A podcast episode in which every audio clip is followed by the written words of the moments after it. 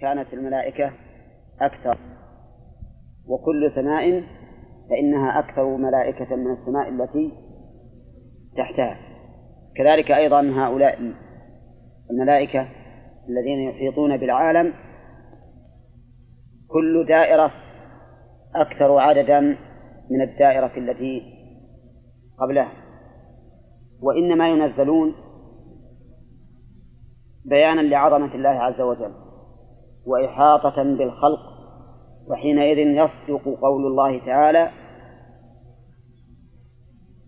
قول الله تعالى يا معشر الجن والإنس إن استطعتم أن تنفذوا من أقطار السماوات والأرض فانفذوا لا تنفذون إلا بسلطان. لأنهم ما يستطيعون مع إحاطة الملائكة بهم أن يهربوا من أهوال هذا اليوم. وقوله تعالى تنزيلا مصدر نزل. وهو كما أسلفنا يدل على أنهم ينزلون شيئا فشيئا لا ينزلون جملة. فينزل ملائكة فتنزل ملائكة السماء الدنيا أولا ثم الثانية ثم الثالثة إلى السابعة. وأشرنا إلى الآية التي في سورة الرحمن. دفعا لقول بعض الناس الذين يفسرونها بهذه الأقمار الصناعية أو المراكب الفضائية التي صعد الناس بها إلى الفضاء. ويزعمون أن قول الله تعالى لا تنفذون إلا بسلطان إلا بعلم. وأن هذا العلم أوصلهم إلى النفوذ. وهذا لا شك تحريف للقرآن. ولا حاجة إلى أن نتكلف فنقول كل ما يحدث فإن في القرآن له شاهدا. ما حاجة إلى هذا التكلف؟ لأن هذه الحوادث شواهدها حصولها. متى حصلت فإننا نؤمن بها سواء دل عليها القرآن أو سكت عنها القرآن. إلا إذا دل القرآن على نفيها فإنه لا يجوز لنا أن نصدقها. وكل ما يحدث من هذه الاختراعات وهذه الصناعات فإنه داخل في قوله تعالى ويخلق ما لا تعلمون. ويخلق ما لا تعلمون. بعد أن قال والخيل والبغال والحمير لتركبوها وزينة قال ويخلق ما لا تعلمون. هذه الآية يدخل فيها كل ما حدث وكل ما يحدث من مثل هذه الأمور. وأما أن نحرف القرآن إلى ما يوافق هذا الواقع فهذا حرام علينا ولا يجوز. وأما قوله إلا بسلطان فليس المراد به العلم. المراد به السلطة التي تتمكنون بها من النفوذ. لأن السلطان في كل موضع بحسبه. السلطان في كل موضع بحسبه. وأصله السلطة التي يتمكن بها الإنسان من الوصول إلى ما يريد. فمثلا إذا كانت في دعوى مدعي. نقول لا سلطان لك بهذا يعني لا حجة لك. كما قال الله تعالى إن عندكم من سلطان بهذا. يعني ما عندكم من حجة لأن الحجة سلطة يتمكن بها المدعي من إثبات دعواه. ثم إن الآية إن استطعتم أن تنفذوا من أقطار السماوات والأرض وهؤلاء لم ينفذوا من أقطار السماوات. حتى لو قلنا إنهم نفذوا من أقطار الأرض وخرجوا عن محيط الأرض فإنهم لا, لا يستطيعون أن ينفذوا من أقطار السماوات. ثم إن الآية ظاهرة في التحدي. إن استطعتم والتحدي بما يمكن صحيح ولا لا؟ التحدي بما يمكن غير صحيح لأنه يبطل التحدي. ثم إن قوله يرسل, يرسل عليكم أشواظ من نار ونحاس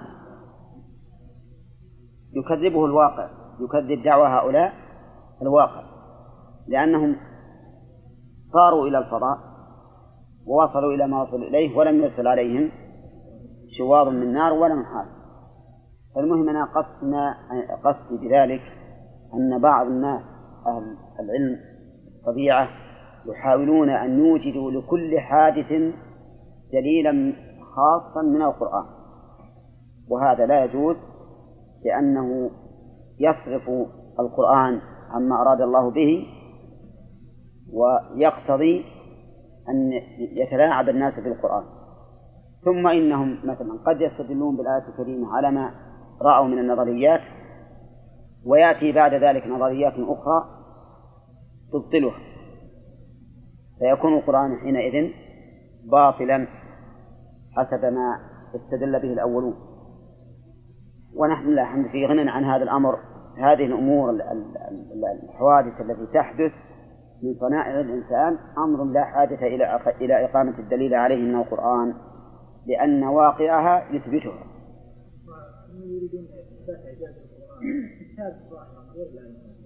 نعم. إعجاز القرآن يكفي أن نقول ويخلق ما لا تعلمون. ويخلق ما لا تعلمون. نعم؟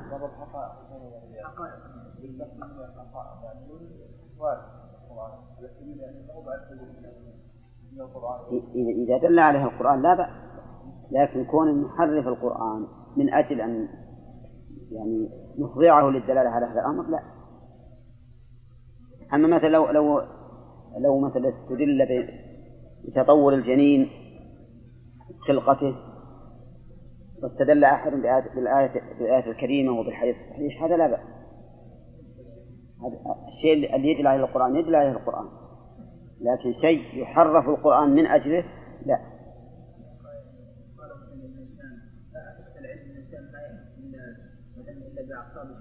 إيه؟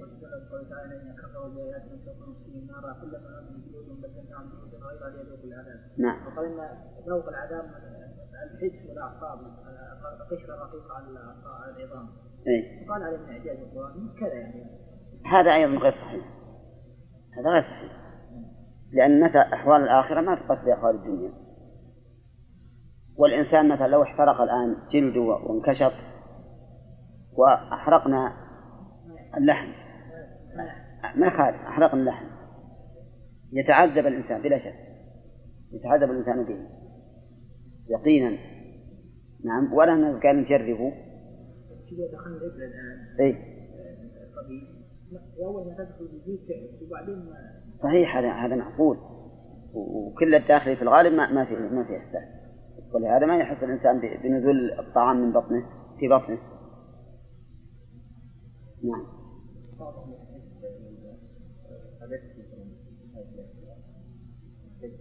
قال نعم. يعني هذه الأحداث العظيمة. لا بد إي ما يخالف. ما فرطنا في الكتاب من شيء. ما المراد بالكتاب؟ الله محفوظ. وما من دابة الأرض ولا طائر يطير بجناحيه إلا أمم أمثالكم ما فرطنا في الكتاب من شيء ثم إلى ربهم يحشرون لكن وأنزلنا عليك الكتاب تبيانا لكل شيء. هذه أوضح إن أرادوا يستدلون. تبيانا لكل شيء لكن نعلم أن التبيان إما مجمل وإما مفصل. والقضية المشهورة عن عن الشيخ محمد عبده مع الرجل النصراني حينما سأله عن كيفية صنع الطعام الذي قدم لهم في المطعم. قال القرآن تبيان لكل شيء. فكيف يصنع هذا الطعام؟ أين يوجد في القرآن كيف يصنع؟ فقال هذا موجود في القرآن. فدعا الطباخ وقال له كيف تصنع هذا الطعام؟ قال اصنعه بكذا وكذا. فقال هكذا الطريق في القرآن. فإن الله يقول فاسألوا أهل الذكر إن كنتم لا تعلمون. وكل قوم ذكرهم خاص بهم. فأنا سألت هذا الرجل لأني ما أعلم. فالقرآن قد يدلنا على الشيء مباشرة أو بالوسيلة والطريقة. نعم. صالح؟ نعم.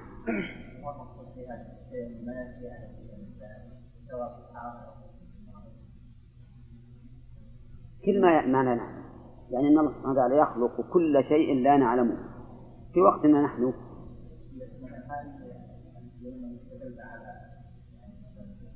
على كل هذه الحوادث نعم. لا ما يعلم الإنسان. قبل أن أن تقع ما يعلمه بعد وقوعها يعلمه لأنه قال والخيل والبغال والحمير لتركبوها وزينة. وهذا شيء معلوم. ويخلق ما لا تعلمون يعني أشياء لا تعلمون. أشياء لا تعلمون. وفعلا خلق الله تعالى أشياء ما كان تعلمون في عهد الرسول عليه الصلاة والسلام. وسيخلق أشياء ما نعلمها نحن في وقتنا. إلى آخر الدهر. يبي يخلق الله سبحانه وتعالى إلى آخر الدهر. شيئا لا يعلمه من سبق. لكن يعلمه من؟ من أدركه. لأن كونه يخلق معناه يوجد. نعم. الموجود لا بد أن يعلم لأن الله يتحدث عن أمر سيكون لنا. والخيل والبغال والحمير لتركبوها وزينة فإذا كان يتحدث عن أمر سيكون لنا فمعنى ذلك سنعلمه إذا خلق إذا خلقه الله نعم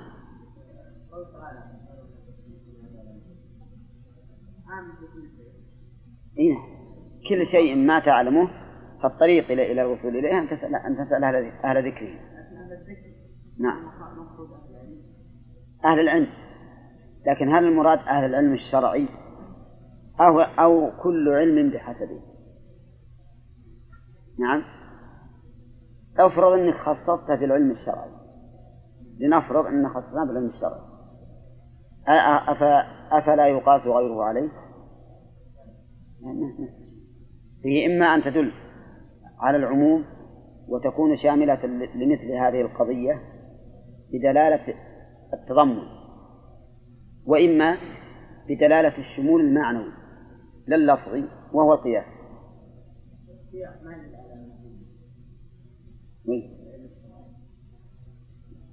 هي الآية فاسألوا أهل الذكر إن كنتم لا تعلمون بالبينات والزبر. هذه آية. هذه تدل على المراد العلم الشرعي. وما أرسلنا من قبلك إلا رجال من إليهم. فاسألوا أهل الذكر. لا. وفيها الآية الثانية فاسألوا أهل الذكر إن كنتم لا تعلمون وهو, وهو عام. ما قال ببينات والزبر ومثل ما قلت لك إن كان شاملة لكل شيء وأن أهل كل ذكر بحسبه فهي شاملة وإلا فهي شاملة شمولا معنويا وهو القياس.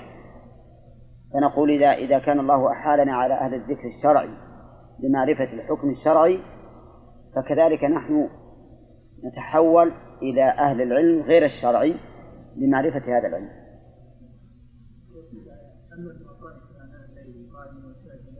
ساجدا. ساجدا. نعم. إنها ليس الذين يعلمون هذه الآية ذكرت على العموم. وأولها يبين ما عاد على العلم. إي نعم. لكن لكن مثل ما ذكرنا لك الآن إن العموم قد يكون شمولا لفظيا وقد يكون شمولا معنويا. فهم لا يستوون لكن من الذي يثنى عليه؟ أهل العلم. نعم. الشمول اللفظي معناه إن, إن هذا اللفظ يدل على على هذا بخصوصه يعني من جملة الأفراد الدالة. والعموم المعنوي معناه أن هذا اللفظ لا يدخل فيه ما ذكر لكنه يقاس على ما ذكر فيه فيكون هذا عموما معنويا لأن العلة في الجميع واحد. ونزل الملائكة تنزيلا ويوم القيامة ونصبه بذكر مقدرا وفي قراءة بتشديد شين تشقق بإدغام التاء الثانية في الأصل فيها وفي أخرى بنونين. ننزل ننزل بنونين. الثانية ساكنة وضم اللام. ونصب الملائكة. القراءة الآن ثلاث. أولا في تشقق أولا القراءة المشهورة. بمعنى ونزل ويوم تشقق السماء بالغمام ونزل الملائكة تنزيلا. القراءة الثانية تشقق. وأصلها تتشقق. فأدغمت التاء في الشين. فصارت تشقق. وأيهن أبلغ؟ تشقق ولا تشقق؟ تشقق أبلغ. وأما نزل ففيها قراءتان تبعيتان. نزل الملائكة على أنها فعل ماضي والملائكة نائب فاعل. والثاني ننزل الملائكة. ننزل الملائكة. على أنها فعل مضارع والملائكة مفعول به والفاعل هو الله. والقرآن من بلاغته أن القراءات يستفاد منها إما التفسير وإما زيادة المعنى. فعلى قراءة تشقق فيها زيادة زيادة المعنى. وعلى قراءة ننزل الملائكة فيها تفسير. لأن نزل الملائكة مبني للمجهول فالفاعل غير معلوم. وننزل الملائكة مبنية للفاعل فالفاعل فيها معلوم. وعلى هذا إذا سئلت من الذي ينزل الملائكة؟ تقول هو الله. أولا الدليل أمر مفهوم بالأذهان. ودليل آخر من لفظ الآية ها؟ القراءة الثانية منزل الملائكة.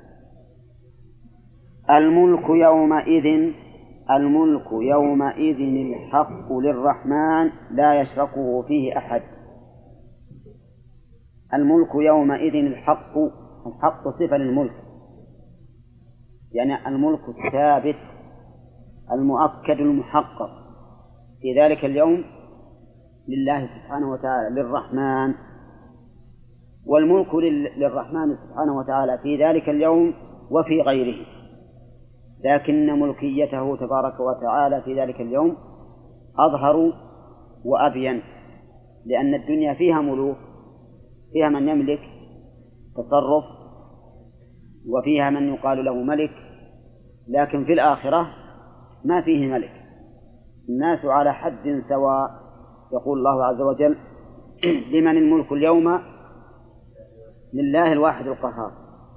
فالملك في ذلك اليوم لا يكون لأحد سوى الله تبارك وتعالى. وفي قوله للرحمن ولم يقل لله. إشارة إلى كثرة رحمة الله في ذلك اليوم. كما جاء في الحديث الصحيح إن لله تعالى مئة رحمة أنزل منها رحمة يتراحم بها الخلق. فإذا كان يوم القيامة أنزل الله تعالى الرحمة التي نزلت في الدنيا مع ما عنده وهي تسعة تسع وتسعون فرحم بها الخلائق. فيظهر من رحمة الله سبحانه وتعالى في ذلك اليوم ما لا يظهر في غيره. ولهذا عبر بقوله الملك يومئذ الحق للرحمن. وقد سبق أن الرحمن صفة متضمنة للرحمة ولكنها تدل على عظمة هذه الرحمة. وعلى سعتها ولأن كلمة فعلان تدل عليه؟ تدل على الوصف المالئ الذي يملأ موصوفه. كما يقال غضبان يعني ممتلئ غضبا. ومن ثم فسر بعض العلماء الرحمن بأنه ذو الرحمة الواسعة. والرحيم بأنه الرحمة الخاصة. بالمؤمنين.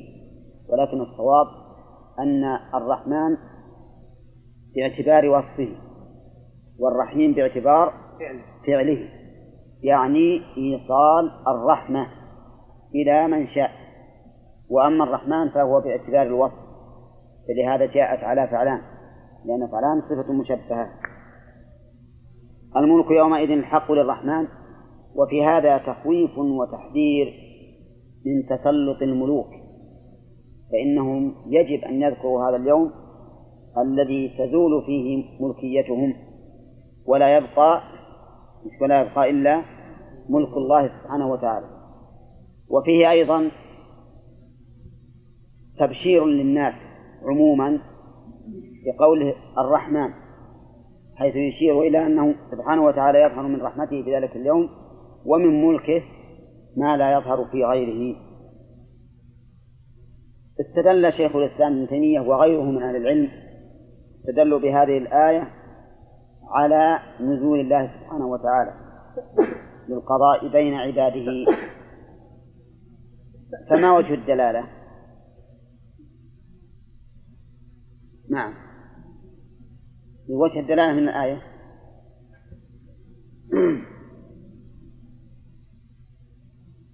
نعم. وميت الذي يكون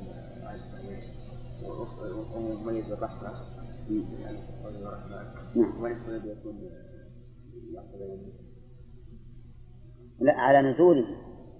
صحيح إن أنه لو كان على مقتضى الفصل بين العباد مثل ما قلت لأن يعني الملك هو الذي يفصل. لكن على نزوله نعم من الآية. من الآية نشوف وجه الدلالة. نعم.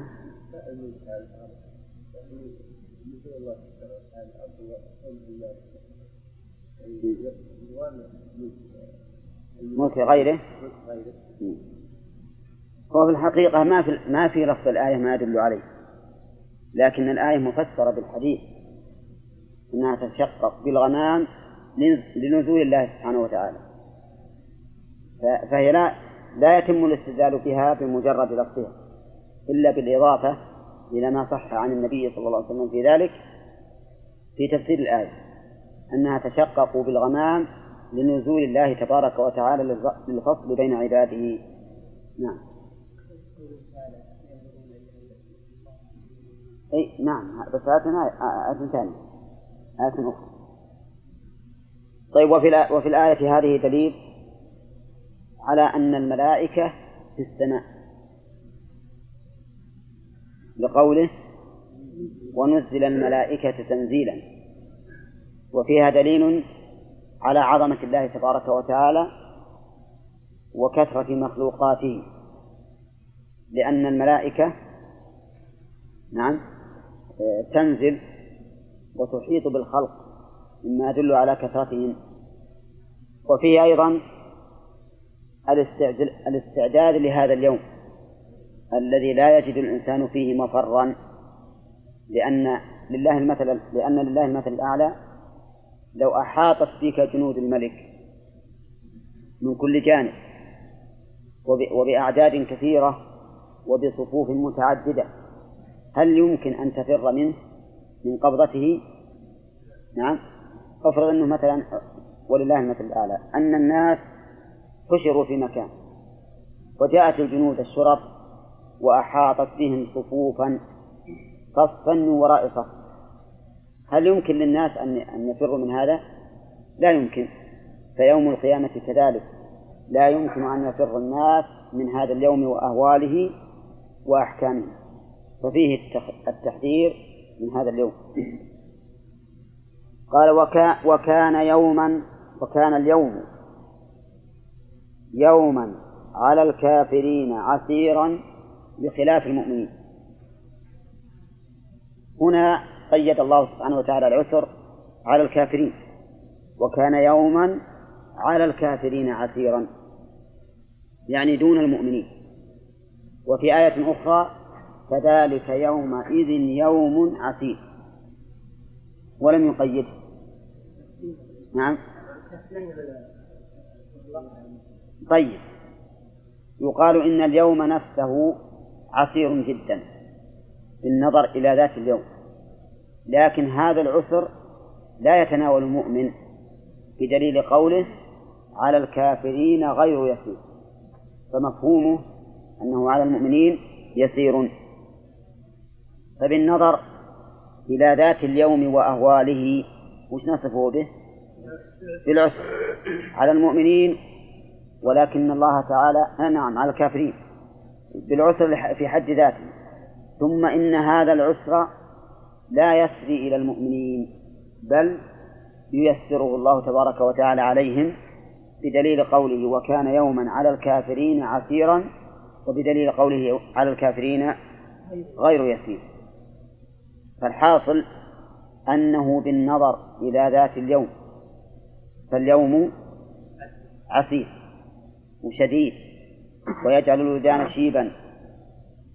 وبالنظر إلى من يتأثر به أو بعسره يكون هذا للكافرين فقط لقوله على على الكافرين غير يسير. أما على المؤمن فإنه يسير. وفي هذا دليل في كونه عسيرا ولكن عسره يكون على الكافرين فقط فيه دليل على اختلاف الناس في ذلك الموقف وأن يسر ذلك اليوم وعسره بحسب حال الإنسان. فكلما كان الإنسان أشد إيمانا وأشد تقوى لله عز وجل كان ذلك اليوم أيسر له. ولهذا ثبت في الحديث الصحيح سبعة يظلهم الله في ظله يوم لا ظل إلا ظله. وأن كل امرئ في ظل صدقته يوم القيامة. وعلى هذا نقول كلما كان الإنسان أقوى إيمانا بالله وأشد تقوى لله كان يسر ذلك اليوم عليه بحسبه. طيب كلما كان الإنسان أعتى وأكفر يصير أشد ولا لا؟ نعم يكون أشد يكون أشد وأعظم. وقد أخبر النبي عليه الصلاة والسلام أنه رأى في النار عمرو بن لحي يجر قصبه وأمعاءه مما يدل على أنه كلما زاد عتو الإنسان وكفره زاد عسر ذلك اليوم عليه. ثم إنه أيضا في قاعدة الأصول إذا علق الحكم على وصف كان أثر ذلك الحكم بحسب ذلك الوصف. فإذا كان العسر معلقا بالكفر فكلما كان الكفر أشد كان العسر أشد. وإذا علق اليسر بالإيمان صار كلما كان الإيمان أقوى صار اليسر أقوى. الحاصل أن كل شيء كل حكم علق على وصف فإنه يختلف أثر ذلك الحكم بحسب ذلك الوصف. نعم. نعم. ها؟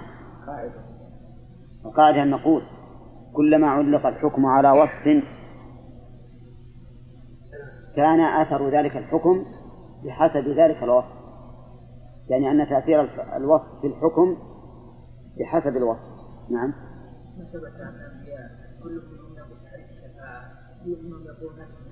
نعم.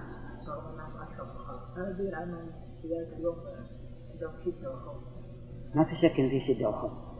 يوما يجعل الولدان شيدا لكن هذه الشدة والخوف يتحملها الإنسان بحسب ما معه من الإيمان.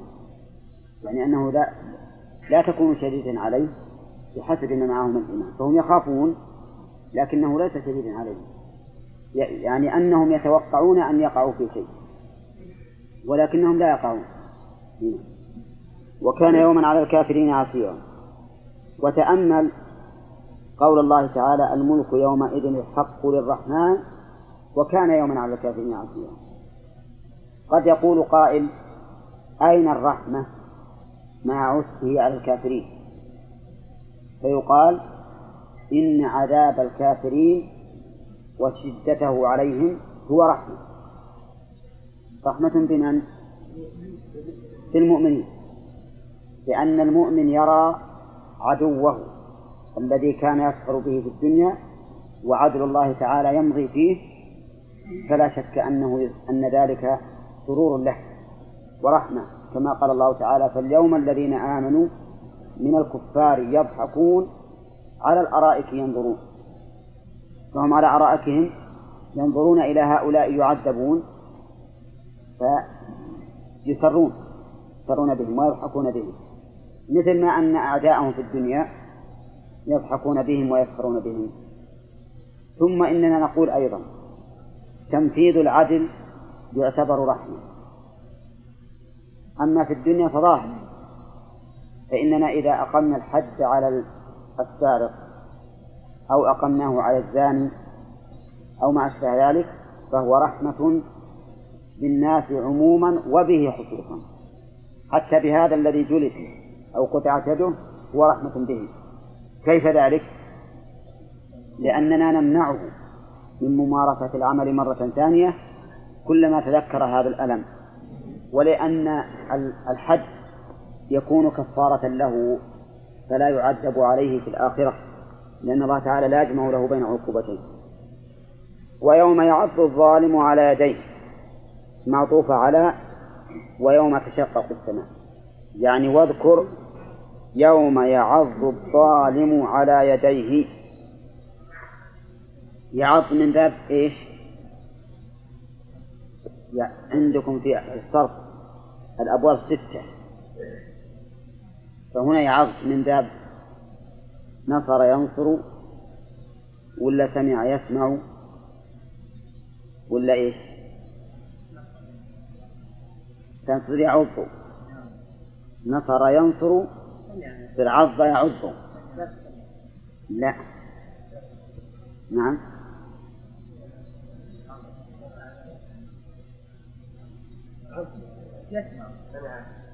لا. لأن عض من مكسورة. ها؟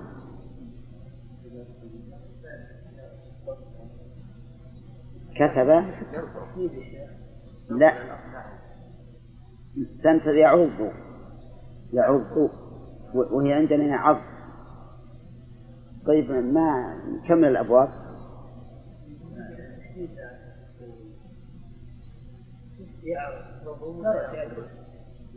لا. فتح يفتح. نعم. من باب فتح. وعند العامة يحطون من باب نصر. يقول يعض فلان يعض فلانا.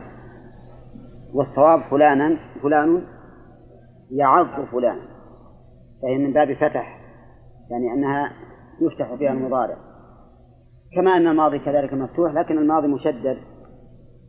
ويوم يعض الظالم المؤلف يقول المشرك.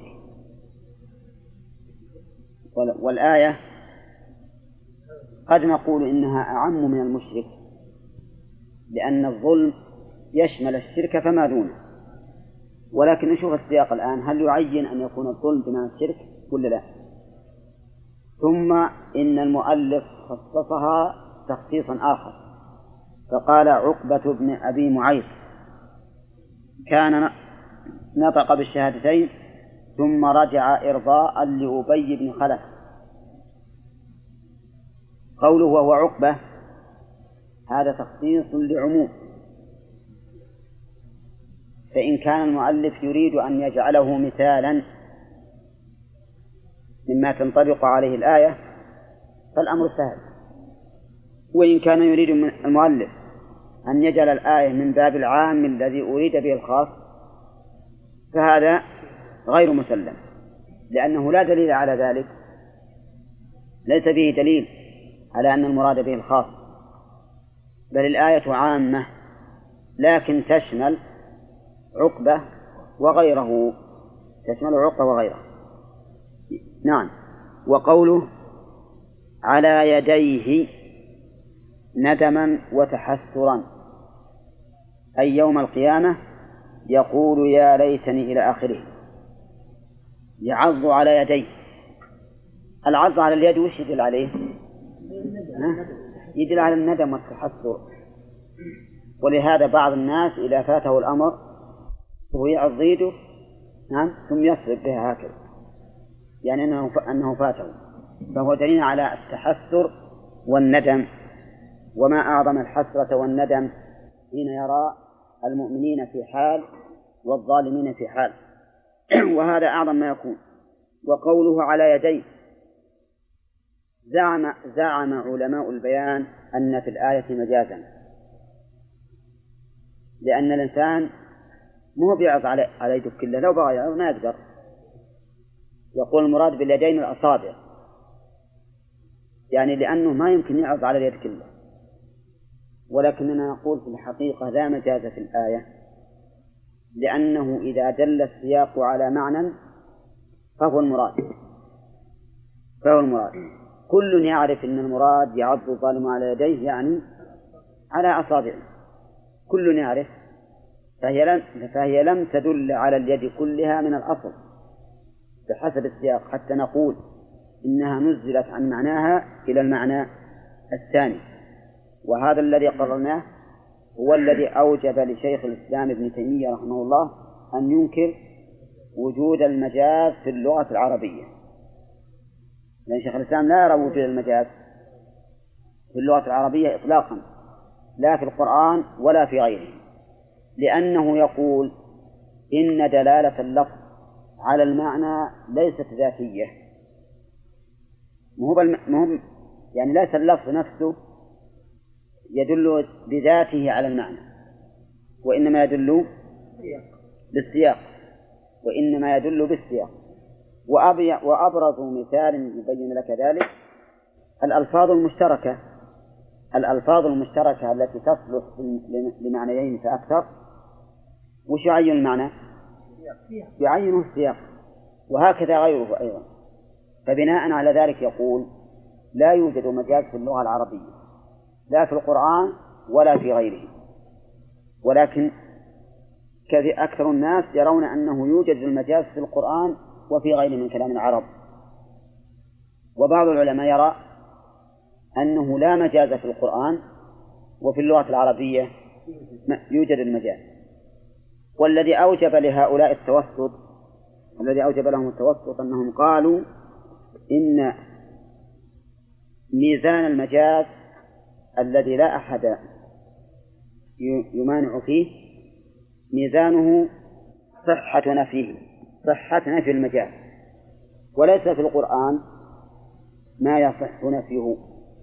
يعني عندما تقول رأيت أسدا يقرأ وش المراد بالأسد؟ الرجل الشجاع. كأنما قلت رأيت شجاعا يقرأ لكن عبرت بالأسد لأن الشجاعة فيه أظهر. هم يقولون إنك إذا قلت رأيت أسدا يقرأ فإنه يجوز للمخاطب أن يقول هذا ليس بأسد فينفيه. وهذا صحيح ولا غير صحيح؟ صحيح. ليس بأسد ليس بأسد فهم يقولون إذا كان المجاز علامته الكبرى أنه يصح نفيه فليس في القرآن ما يصح نفيه. أما غيره من كلام العرب فيمكن أن تنفيه. أن تنفيه ولا تبالي. ولكن إذا رجعنا إلى ما قاله شيخ الإسلام وهو أن الألفاظ ليست ليست دلالتها على المعنى ذاتية. حتى نقول إنها إذا دلت على معنى آخر في مكان آخر فهي مجازية بل دلالتها على الألفاظ بحسب السياق. فعلى هذا نقول في الآية التي معنا ويوم يعض الظالم على يديه. فيها مجاز ولا لا؟ لا مجاز لأن ما ما يمكن أحد يفهم أن المراد بذلك في الأصل أنه يعض على اليد كله. كل يعرف أن المراد يعض على يديه أي ما يعض ما يعض عليه عادة. وهي الأصابع. نعم.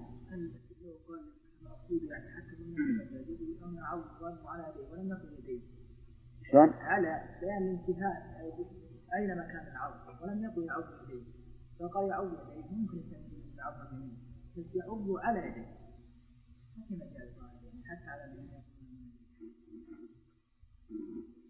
لا إذا قلت عض على يديه. مكان العض على يديه لا على لا هي لو كانت في الظرفية يمكن لكن عضضت على كذا. سواء كان أصابع أو ما يظهر حتى لو عض على أصبعه تبي يعض على على رأس الاصبع مثلا. يكون عض عليه يجوز اطلاقها على حد إيش تقولون في هذا؟ ها؟ هو يقول إن يعض على يديه يعني على بعض يديه كذا وأنه استفاد البعضية من كلمة على ولم يقل يعض يديه. نعم. لكن يشاف هل إن عض تتعدى بعلى ولا بنفسها. نعم. إيه. ولو أن تعض على أصل الشجرة. إيه نعم كل إيه. ما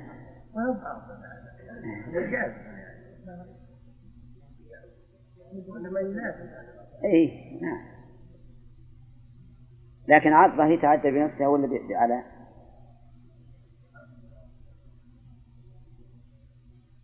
يتعدى بنفسها تتعدى بنفسها وبعلى نعم. على ما يعض أحدكم أخاه كما يقدم الفحل. في الرجل الذي عض يد الإنسان فانتزعها فسقطت أسنانه وفي احتمال أن يقول إنه ما تدل على الكلية.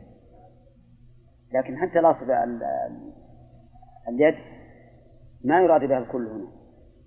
حتى ولو كانت تدل على الجزية فلا يراد بها الكل. نعم. الحديث. نعم.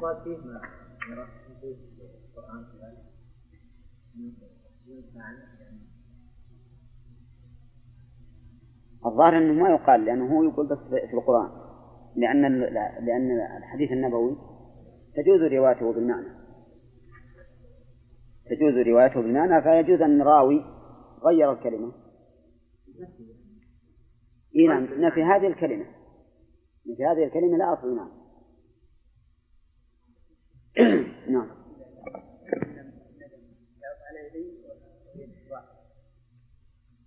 لا الظاهر كل ما قوي الندم على الدين كله. إيش؟ حط صديق ها نعم. ها؟ شلون؟ نعم. إنه إيش؟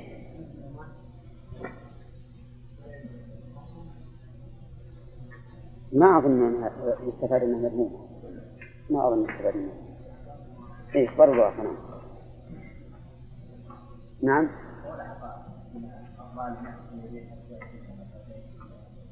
شلون؟ إيه؟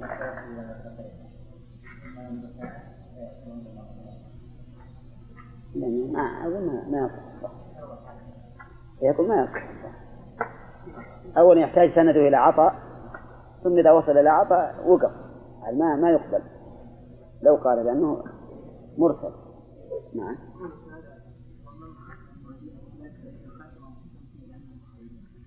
مبين ما في الكافرين رغم انهم لا يقام قال تعالى اولئك اولئك الذين من لقاء تعالى وتعملهم فلا لهم لا لهم وزنا يعني ما يعتبر لهم وزن إيه لكن ما توزن مثل ما توزن آه، سيئات المؤمنين. لأن سيئات المؤمنين توزن لأجل الموازنة بينها وبين الحسنات فما رجح اعتبر وأما أولئك فلإقامة الحجة عليهم فقط. نعم هذا صحيح. نعم. معناه أن الله لو ناقشك على في حسابه هلكت. لأنه سبحانه وتعالى لو ناقشك على نعمة واحدة من نعمة لكن جميع أعمالك الصالحة ما, ما تقابلها. لا ما نقول لا. سمع بسم الله من الشيطان الرجيم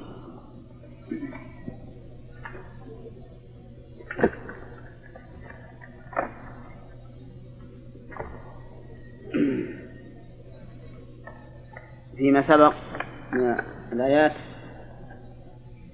ذكر الله أمر الله تعالى أن يذكر هذا اليوم العظيم وهو يوم تشقق يوم يوم تشقق السماء بالغمام لنزول الله سبحانه وتعالى. وفي الآية إثبات نزول الله لأن هذا التشقق إنما يكون لنزوله والغرض من ذكره التحذير منه والاستعداد له لأنه كلما ذكر الشيء حذره الإنسان واستعد له.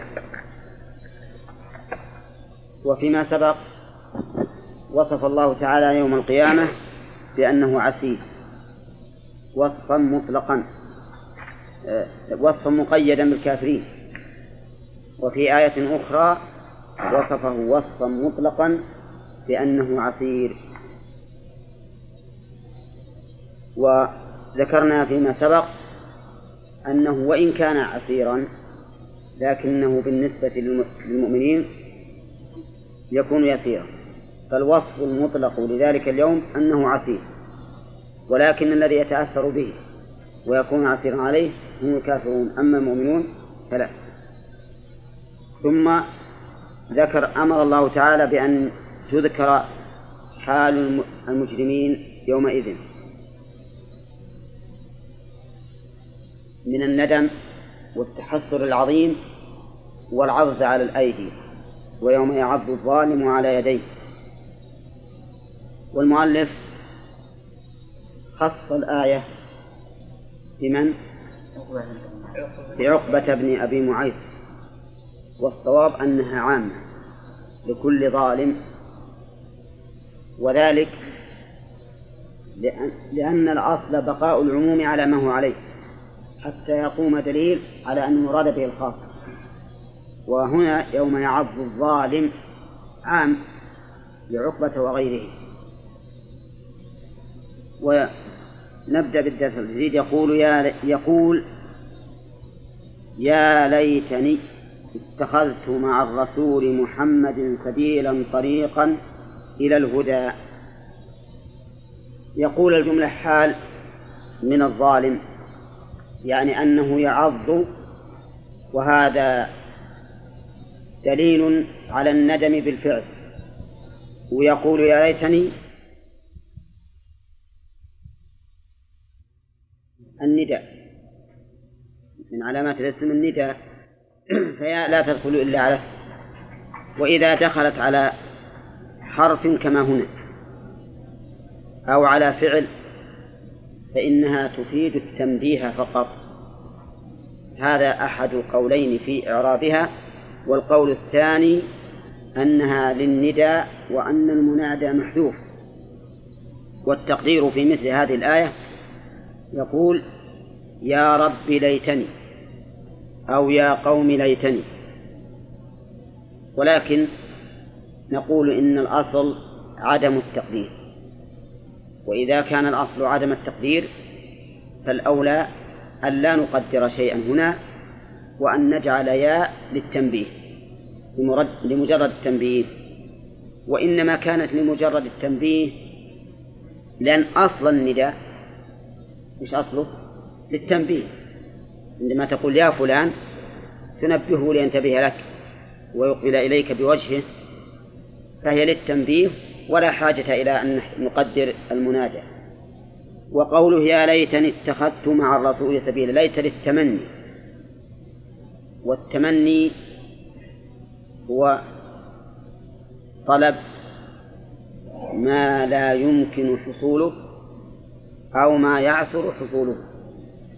الشيء الذي يتعذر أو يتعسر حصوله يسمى طلبه تمنيا. ألا ليت الشباب يعود يوما فأخبره بما فعل المشيد. هذا متعذر. ويقول الفقير ليت لي مالا فأتصدق به.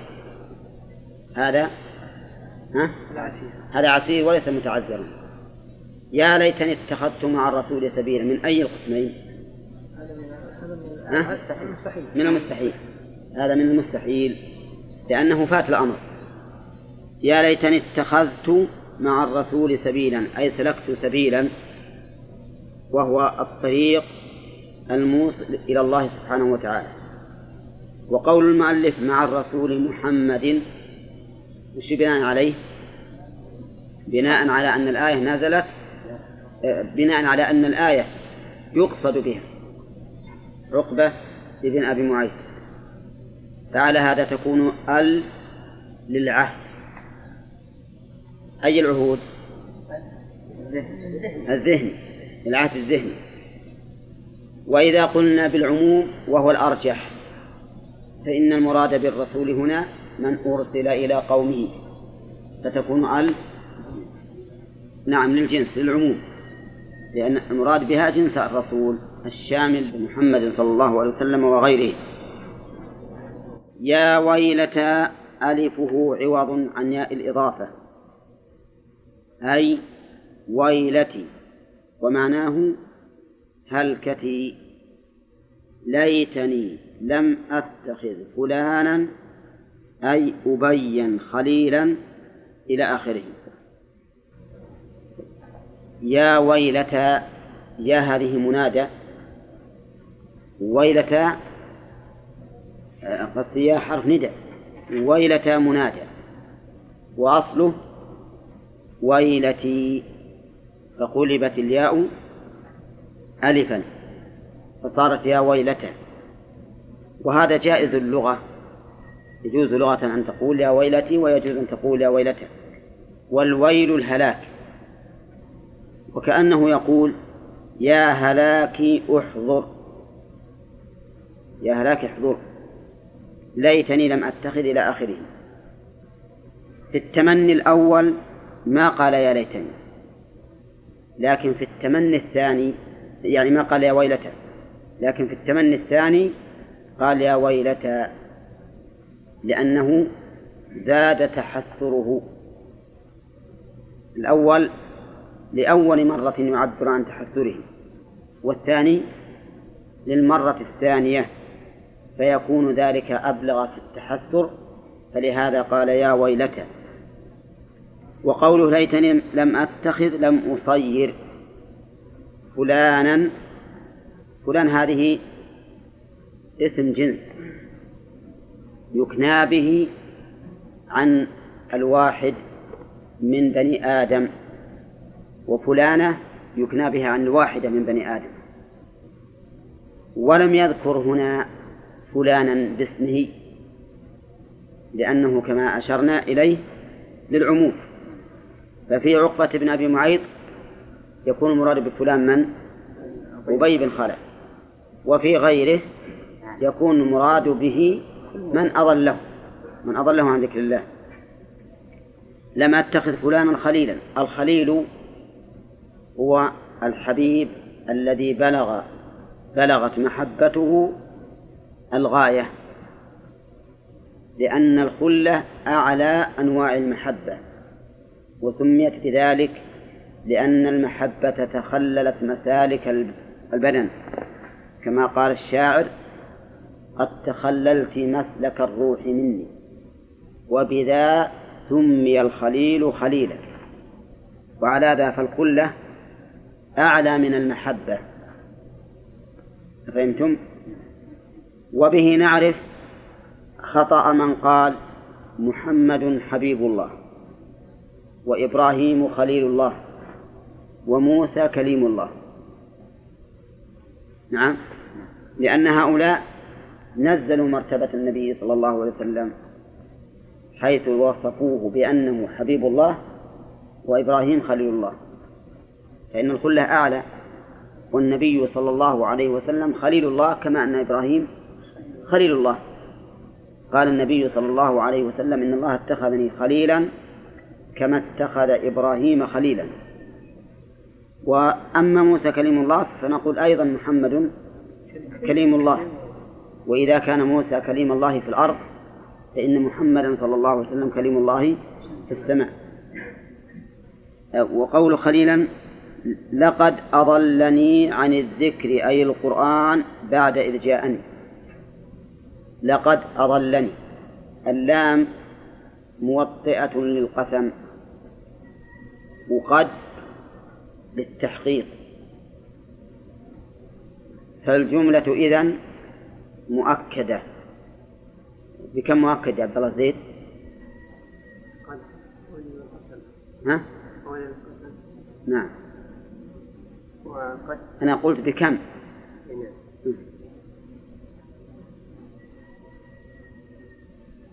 فقد أضلني عن الذكر على الجاني مؤكد. طيب وش؟ قسم وقد.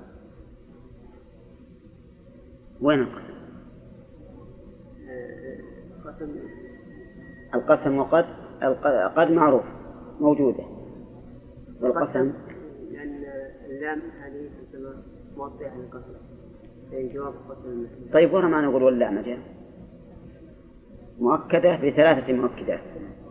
القسم واللام وقد وهو يؤكد في هذا اليوم أن ذلك الخليل أضله. تأكيدا يراد به لوم لوم نفسه ولكن ذلك لا ينفع الآن. لو كان هذا التأكيد في الدنيا لنفعه أما الآن فلا ينفعه ولكنه يزيد في تحسره لقد أضلني عن الذكر. يقول المؤلف أي القرآن وهو بناء منه على أن المراد بما سبق الظالم عقبة بن أبي معيط. فيكون الذكر القرآن. وإذا قلنا بالعموم وهو الراجح يكون المراد بالذكر الكتاب المنزل على ذلك الرسول. ففي عهد موسى التوراة وفي عهد عيسى الإنجيل وكذلك في العهود الأخرى الكتب المنزلة على الرسل. أضلني عن الذكر؟ بعد إذ جاءني. هذا الظرف له فائدته العظيمة. يعني بعد أن حصل لي الذكر وعلمته وفهمته حصل الإضلال. وهذا أبلغ مما لو أضله عن أمر متوقع غير واقع. هذا أمر واقع. أقر بأن الذكر جاءه وقامت عليه الحجة وأضله هذا الخليل بعد إذ جاءه. بأن ردني عن الإيمان به. قال الله تعالى وكان الشيطان للإنسان للكافر. للإنسان للكافر ولا الكافر؟ الكافر. خذولا بأن يتركه ويتبرأ منه عند البلاء. قوله قال الله تعالى وكان الشيطان للإنسان خذولا كأن المؤلف مشى على أن هذه الجملة ليست من قول الظالم وأن قول الظالم انتهى عند قوله بعد إذ جاءني. وعلى هذا فينبغي الوقف لقد أضلني عن الذكر بعد إذ جاءني. فتقف. ثم تستأنف وتقول وكان الشيطان للإنسان خذولا. وقوله الشيطان يراد به الجنس. لأن الشياطين كثيرون. قال الله تعالى وما تنزلت به الشياطين. وقال طلعها كأنه رؤوس الشياطين. فالمراد به هنا الجنس. وهم أنواع. والظاهر والله أعلم أن لكل نوع من المعاصي شيطانا.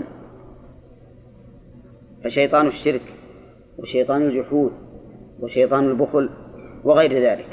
لكل نوع شيطان. هذا ما يظهر والله أعلم. وقوله للإنسان المراد به على كلام المؤلف الكافر. نعم.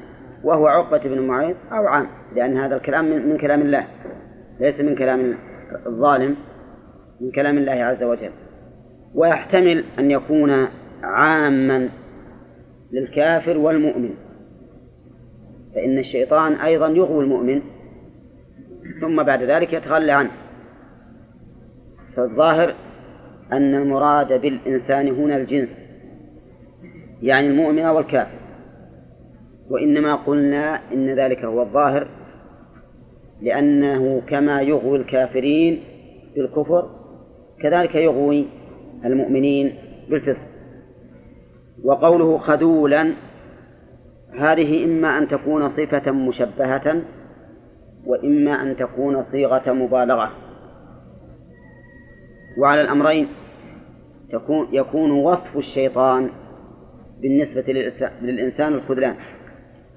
أو يكون خذلان الكفار الشيطان للإنسان دائما لأن المبالغة تقتضي الكثرة. والخذلان معناه إذلال الإنسان في موطن يحتاج معه إلى النصر. هذا الخذلان. أنك تتخلى عن إنسان في موطن يحتاج فيه إلى النصر. والشيطان عندما نتأمل ما ذكر الله عنه في القرآن نجد أنه يخذل الإنسان في مواطن النصر زين لقريش أن يخرجوا لقتال النبي صلى الله عليه وسلم فخرجوا. فلما تراءت الفئتان نكص على عقبيه وقال إني بريء منكم إني أرى ما لا ترون. زين للإنسان الكفر. كمثل الشيطان إذ قال للإنسان اكفر فلما كفر قال إني بريء منك. هذا في الدنيا. في الآخرة وقال الشيطان لما قضي الأمر إن الله وعدكم وعد الحق ووعدتكم فأخلفتكم وما كان لي عليكم من سلطان إلا أن دعوتكم فاستجبتم لي فلا تلوموني ولوموا أنفسكم. ما أنا بمصرخكم بمغيثكم وما أنتم بمصرخي إني كفرت بما أشركتموني من قبل. هذا أيضا خذلان عظيم. الشيطان في مواطن النصر يخذل الإنسان ويتبرأ منه. وهذا الوصف وكان الشيطان. نقول كان في علم الله ولا كان فيما مضى وانتهى؟ لا تفيد لا تفيد الزمنية؟ ولا تفيد الزمنية. هذه مر علينا قريبا نظيره. لا لا ها؟ مجرد عن الزمن. أي م- م- مجرد عن الزمن. يعني أن كان تأتي ولا يراد بها الزمن يراد بها مطلق الوصف بالحدث. مثل وكان الله غفورا رحيما وكان الله على كل شيء قديرا. لازم أن كان فيما مضى. كان أن هذا وصف لله مستمر. وكذلك هنا كان الشيطان للإنسان خذولا ليس معناه أن الشيطان خذول كان خذولا للإنسان فيما مضى وأص- وأصبح غير خذول. بل المعنى أن هذا وصف ملازم للشيطان بالنسبة للإنسان. نعم. يعني الكلام هذا في الآخرة يكون حدود في الدنيا وكان يعني في الدنيا. لا هو في الدنيا والآخرة. حتى في الآخرة وقال الشيطان لما قضي الأمر تلو- تلونها الآن. طيب وهنا نعم.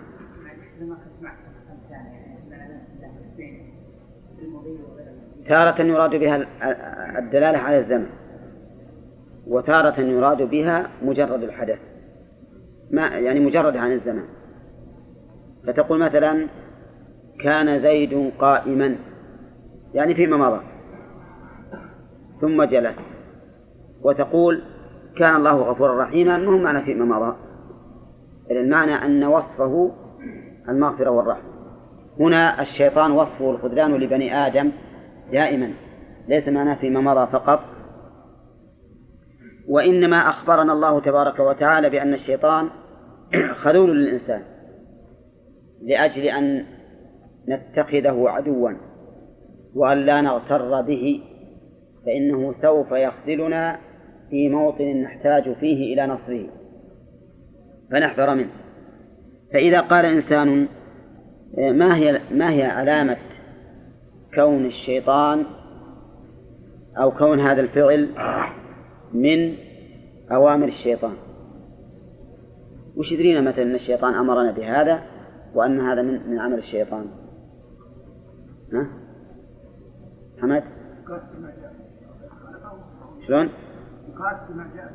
نعم. إن كان مخالفا. له فهو من الشيطان. إي نعم. هذا الضابط. الشيطان يعدكم الفقر ويأمركم بالفحشاء. فإذا رأينا أن النفس تريد منا أن نقع في هذا العمل إذا كان مخالفا للشرع علمنا أن هذا من أمر الشيطان فوجب علينا الحذر منه.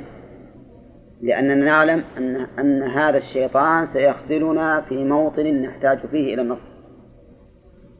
هذه هذه العلامة الفارقة بين ما يكون من أمر الشيطان وما يكون من أمر الله تبارك وتعالى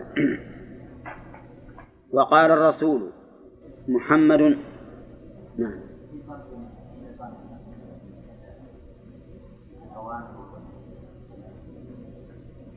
لا هما الن- النفس الأمارة بالسوء تأتمر. بأمر الشيطان النفس الأمارة بالسوء لأنك أنت لا تحس بأن الشيطان مثلا نزل بك وجاء بك. لكنك نفس لكن نفسك تأمرك بهذا فهي تأتمر بأمر الشيطان. نعم؟ أي نعم. يعني يجعلها كالوسيط. كالوسيط بينه وبين قلب المرء. نعم. وقال الرسول محمد يا رب إن قومي قريشا. اتخذوا هذا القرآن مهجورا. هنا المؤلف أيضا خصها بالنبي صلى الله عليه وسلم. وهنا قد نوافق المؤلف على أنها خاصة بالنبي صلى الله عليه وسلم بدليل قوله وكذلك جعلنا لكل نبي عدوا من المجرمين. لأن المراد بهذه الجملة التسلية. ولا وهذا هو الذي يؤيد ما قال المؤلف. أما مسألة القرآن فإن القرآن يطلق على المصدر. فيشمل كل ما يقرأ من التوراة والإنجيل وغيرها من الكتب. لكن الذي يجعله خاصا بهذا الذي نزل على محمد صلى الله عليه وسلم ما بعده. نعم. وين؟ اي نعم نعم. و... لا حتى مثلا لأن الرسول يقوله والقرآن بين يديه. فمثلا موسى إذا قاله والتوراة بين يديه صح أن يشير إليه. يا رب إن قومي قريشا وأضافهم إلى نفسه لأنه أبلغ في توبيخهم. كيف ذلك؟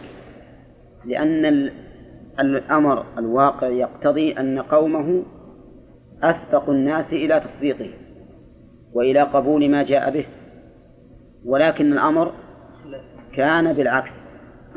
وهذا نظير قوله تعالى والنجم إذا هوى ما ضل صاحبكم وما غوى حيث أضافهم إليه. كأنه يقول ينبغي أن تكونوا أنتم أول من يصدق به لأنه صاحبكم. كذلك نون والقلم وما وما صاحبكم بمجنون. وما صاحبكم بمجنون. فالمهم من الإضافة هنا الغرض منها شغر منها زيادة التوبيخ. يعني بدل ما يقول إن قريشا وقال إن قومي للمبالغة في توبيخهم. حيث إن مقتضى كونهم قومه أن يصدقوا به ويقبلوا ما جاء به. اتخذوا هذا القرآن مهجورا متروكا مأخوذ من الهجر والهجر ترك الشيء رغبة عنه. فهم اتخذوه مهجورا شيئا مهجورا يعني لا يلتفتون إليه. وهذا أبلغ من قولهم من قوله إن قومي هجروا القرآن. ووجه ذلك أن هجروا فعل.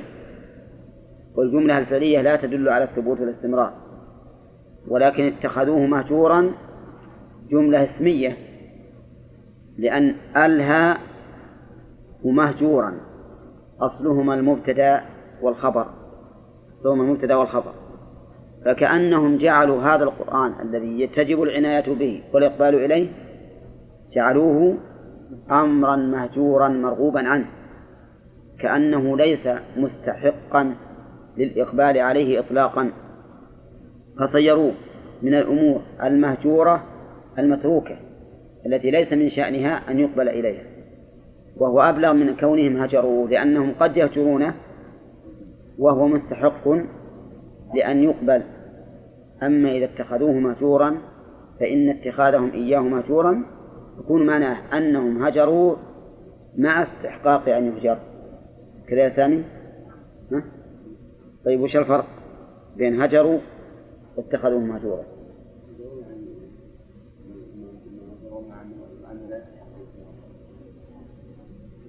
يعني قد تكون هجر أنهم هجروه وهو لا يستحق أن يهجر نعم لأنهم هجروه مع مع كونهم أي نعم. ولأن الجملة اسمية تدل على الثبوت والاستمرار. هجر القرآن ينقسم إلى قسمين. هجر هجر لفظي وذلك بترك تلاوته. رغبة عنه. وهذا ما حذر منه النبي صلى الله عليه وسلم في قوله بئس ما يقول أحدكم نسيت آية كذا وكذا. وإنما يقول نسيت.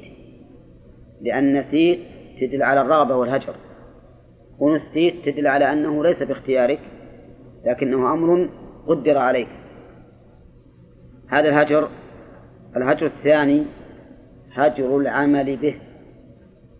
يعني يكون الإنسان يتلوه ما قصر في تلاوته. لكنه لا يعمل به.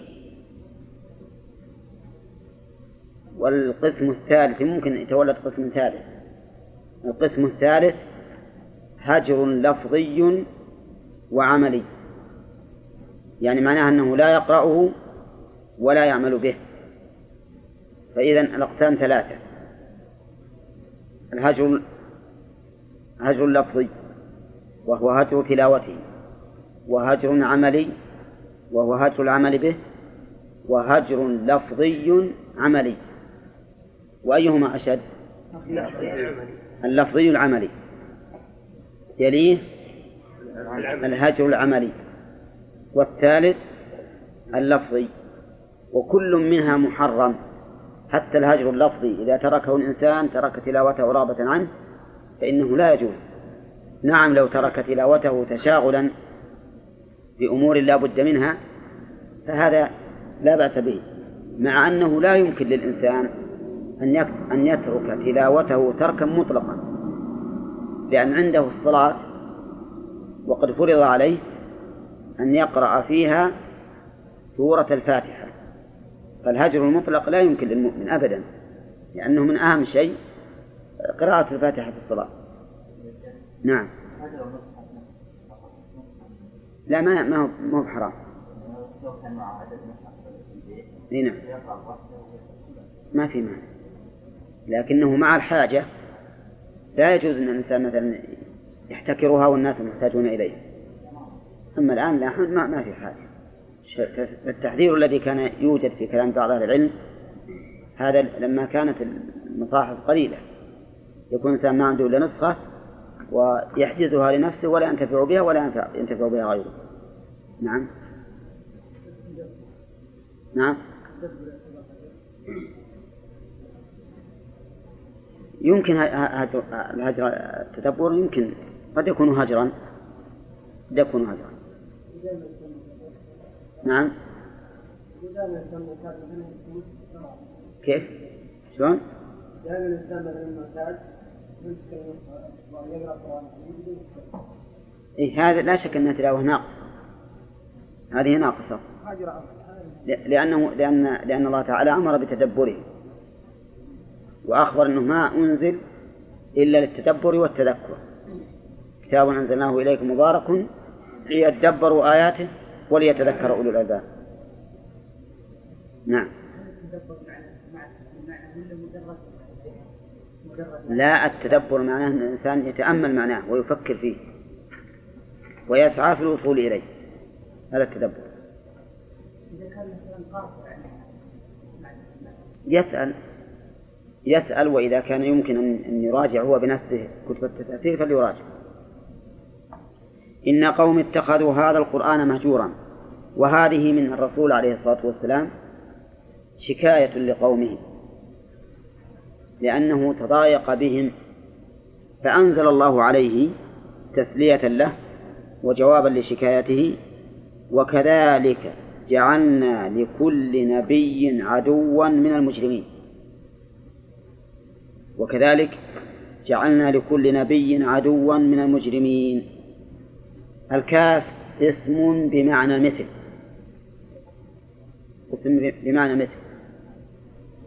وكلما جاءت هي تأتي في القرآن كثيرا.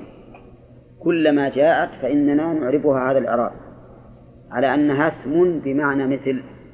وأما إعرابها فهي مفعول مطلق وعاملها الفعل الذي بعده. أي ومثل ذلك الذي جعلناه جعلناه لكل نبي. فهؤلاء المشركون الذين جعلوا القرآن مهجورا ونبذوه وراء ظهورهم ودعوا إلى هجره وسخروا به ليسوا بدعا من غيرهم. فقد سبق لكل نبي كذلك. وكذلك جعلنا كما جعلنا لك عدوا من مشرك قومك جعلنا لكل نبي قبلك عدوا من المجرمين المشركين. فاصبر كما صبروا. وفي هذا من تسلية النبي صلى الله عليه وسلم ما هو ظاهر؟ لأن الإنسان يتسلى إذا كان غيره قد أصيب بمثل مصيبته. تقول الخنسة وهي ترثي أخاها فخرا تقول وما يبكون مثل أخي ولكن أسلي النفس عنه بالتأسي وما يبكون مثل أخي ولكن نعم ولولا ولولا كثرة الباكين حولي على إخوانهم لقتلت نفسي. وما يبكون مثل أخي ولكن سل النفس عنه بالتأسي. فإذا علم النبي عليه الصلاة والسلام أن هذا دأب قوم الأنبياء من قبله فإنه يتسلى ويهون عليه الأمر. قال الله تعالى وكفى بربك هاديا لك ونصيرا ناصرا على أعدائك. أه؟ وكفى بربك هاديا لك ونصيرا ناصرا لك على أعدائك. نعم. قولك كفى بربك البا يقولون إنها زائدة إعرابا. وربك فاعل كفى يعني وكفى ربك وهاديا تمييز. تمييز يعني كفت هدايته ونصره. تمييز محول عن الفاعل لأن التمييز قد يحول عن الفاعل وقد يحول عن المفعول. وفجرنا الأرض عيونا محول عن المفعول لأنه لأن الأصل وفجرنا عيون الأرض. هنا وكفى بربك هاديا الأصل وكفت هداية ربك ونصره. فهو تمييز محول عن الفاعل.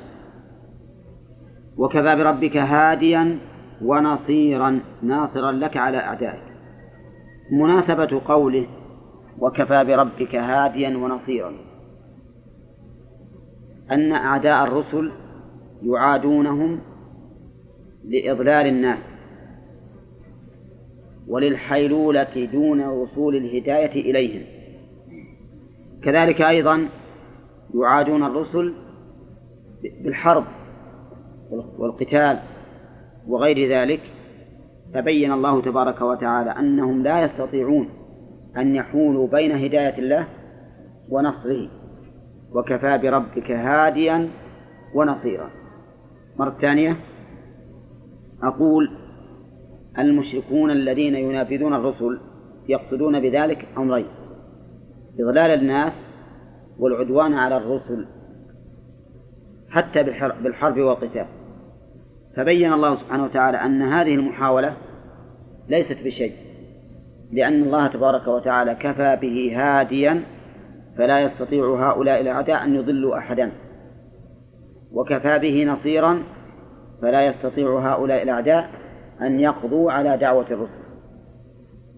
فهذا وجه المناسبة بين قوله تعالى وقال الرسول يا رب إن قوم اتخذوا هذا القرآن مهجورا وقوله وكفى بربك هاديا ونصيرا وقال الذين كفروا لولا نزل عليه القرآن جملة واحدة السورة هذه فيها طابع تحدث عن القرآن. والرد على المكذبين له. لأن أول ما فيها أول ما ابتدأت هذه السورة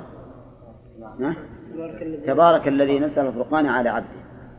فهذا الفرقان الذي تمدح الله بنفسه في إنزاله إلى رسوله لا بد أن يعنى به ويجاب عن المعارضين له بالأساليب المختلفة التي مرت علينا الآن. وقال الذين. نعم. نسينا أن نذكر الفوائد التي نعم. نعم. متى نسي؟ لا ما بقى عندنا إلا عشر دقائق. كلما خلصنا من آية ذكرنا فوائدها نعم. نعم. لا زائد من حيث الإعراب فقط. أم... ها؟ أي معلوم. له معنى. له معنى. زائد من حيث الإعراب فقط. في هذه الآيات التي قرأنا أولا بيان حال الظالم يوم القيامة وأنه يندم ندما عظيما ويظهر ندمه بالقول وبالفعل. أين الدلالة على أنه بالقول؟ القول قوله تعالى يا ويلتي يا ليتني لم أتخذ فلان يا ليتني اتخذت مع الرسول سبيلا يا ويلتى ليتني لم أتخذ فلانا خليلا. نعم. وبالفعل؟ بالفعل ويوم يعظ الظالم على يديه. طيب. الفائدة الثانية التحذير. التحذير من الظلم. الذي يصد به الإنسان عن دين الله. من أين يؤخذ؟ الأخ. أو ما تستطيع طيب عبيد تحذير من من من الظلم. الذي يوجب أو يوقع الإنسان في مخالفة الرسل نعم. نعم. إيه؟ نعم. إيه لا يعني إن الغرض من ذلك التحذير ليس مجرد القصة بل الغرض أن يحذر الإنسان من هذا الأمر الذي يكون مآل صاحبه إلى هذا الحال. وفيه أيضا التحذير من قرناء السوء. محمد الجيدر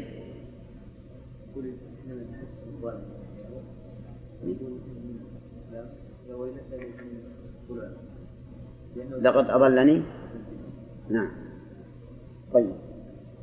وفيه أيضا أن الكافر بل عموم الظالمين في يوم القيامة يؤمنون بحق بالحق.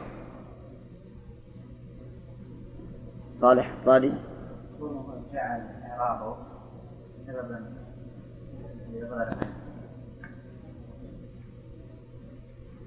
لقوله لقوله عن الذكر بعد بعد إذ جاء أي فأقر الآن بأنه بأن الذكر قد جاء. وأقر بأن ما جاءه ذكر.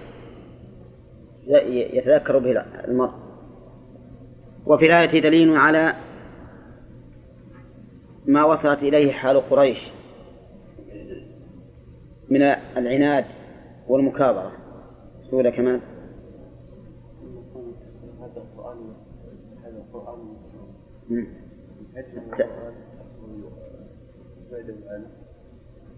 اي لكن هم اتخذوه مهجورا ولا هجروه؟ وهو أبلغ من من هجروه نعم. وفيه دليل على عظم هذا القرآن. في الآية دليل على عظم هذا القرآن. عبد الله الزيد. من قوله تعالى هذا القرآن. من قوله هذا القرآن. لأن الإشارة تفيد التعظيم. يعني هذا القرآن العظيم الذي لا ينبغي أن يهجر هؤلاء اتخذوه مهجورا.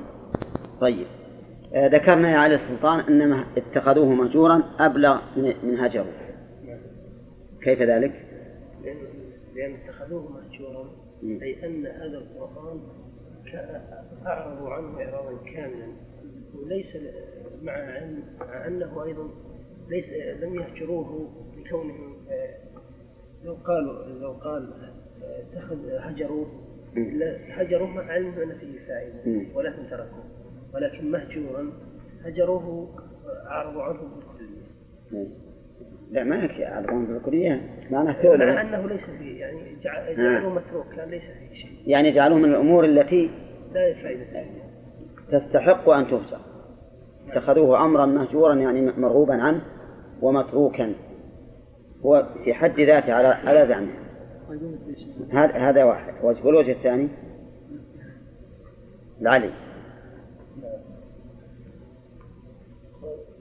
اتخذوا هذا القرآن إن قوم. لا. قول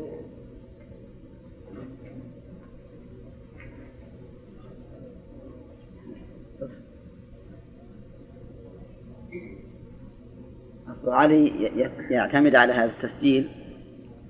ويقول هينا يمدينا راجع سولة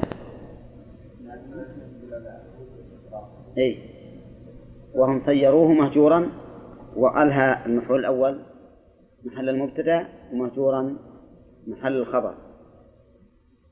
طيب. وفي هذا دليل على بشاعة هذا العمل من قريش. في الآية دليل على بشاعة هذا الأمر من قريش. يوسف.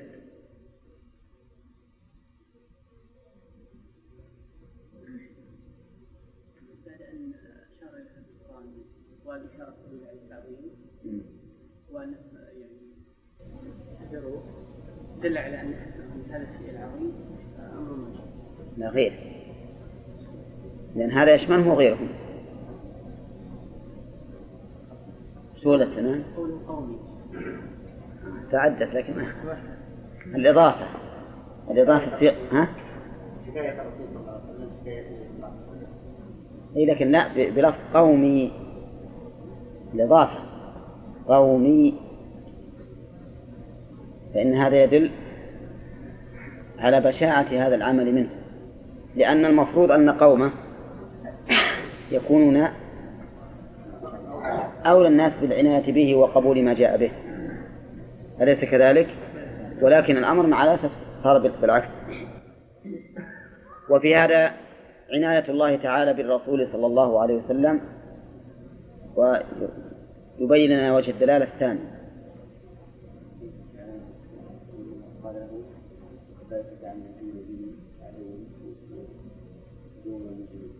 وش ذلك؟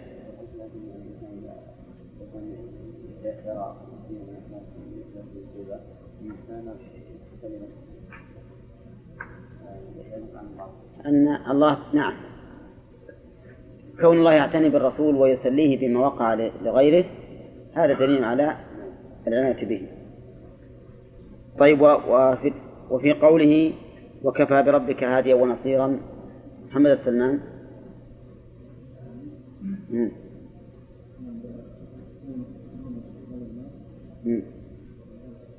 والعدوان على الرسول. فقال الله تعالى وكفى بربك هاديا ونصيرا. أنهم لا يستطيعون أن يضلوا الناس إذا أراد الله هدايتهم ولا أن يقضوا عليك إذا أراد الله نصرك. طيب هذه العداوة حسب ما يقول الله عز وجل وما القرآن هل تكون لأتباع الرسل أو لا؟ نعم حمد. نعم. كيف ذلك؟ لأن الرسل الأتباع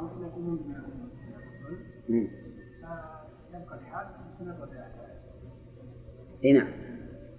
وأيضا؟ وإذا كان عادوا الرسل وهم أشرف الخلق كيف لا يعادون من سواهم؟ لا هذه قد قد يقال إنهم عادوا الرسل واشتدت عادتهم لأن لأن, لأن تأثيرهم أشد عادوهم أشد نعم لأنهم عادوا الرسل لدعائهم للحق ولا لا؟ يعني ما عادوا الرسل لأشخاصهم ولهذا كان الرسول عليه الصلاة والسلام قبل البعثة عند قريش ها؟ عدو عدو ولا لا؟ ليس عدوا بل هم يسمونه الأمين فما دامت فما دامت العداوة من أجل الدعوة إلى الدين فسوف تكون لكل من دعا إلى الدين. لأن الذي يدعو مثلا إلى إلى شريعة النبي عليه الصلاة والسلام هو يدعو إلى ما دعا إليه النبي عليه الصلاة والسلام. فلا بد أن يكون له أعداء كما كان للأنبياء أعداء.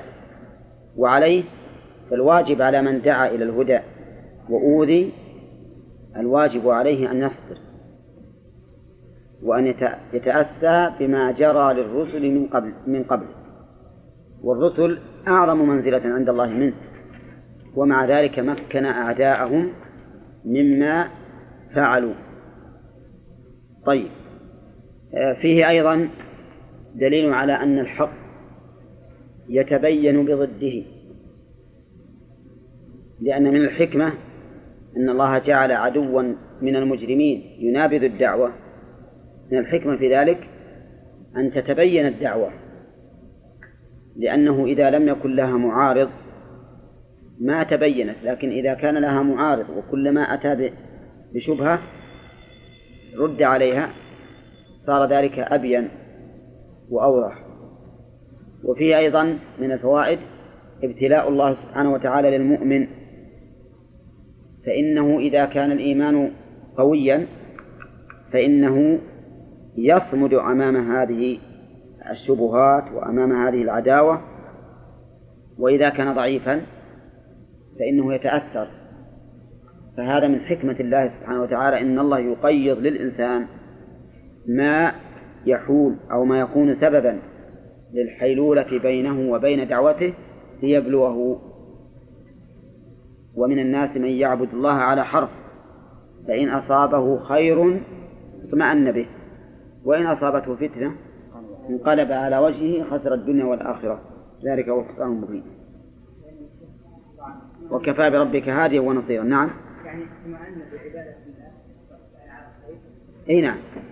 اطمأن بحاله له عليه. وإن أصابته فتنة وأمر يشغله انقلب على وجهه. نعم. قال هذا يا رب القران لا بسبب النزول لا عبرة في إيش؟ بسبب النزول لأن قوله في قريش ولكن يجوز الاستدلال بها على الاعراب في اي عصر إيش؟ الإعراب واقع. حتى مثلا لأن قسم الهجر إلى أو إلى ثلاثة أقسام. إلى ثلاثة أقسام. من المؤمنين من هجر. الهجر اللفظي موجود في المؤمنين.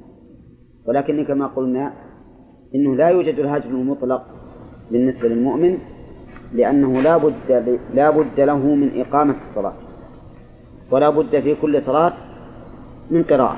هل يجوز له أن يعتبر ادعاء مشاغل الدنيا مثلا؟ رغم أنه والله إذا كان ما هو برغبة عنه. إذا كان لمشاغله مو برغبة عنه وزهدا به فهذا لا بأس به. لكن إذا كان نعم رغبة عنه وزهدا به وعدم التفات الله فهذا شديد يعني. ما أظنه يغني عن عن عن القراءة الاستماع. لكن على كل حال الاستماع فيه خير. ولكن القراءة أفضل. نعم. لا إذا كان مشغول ما ينبغي أن نستخدمه لأنه إذا قرأ القرآن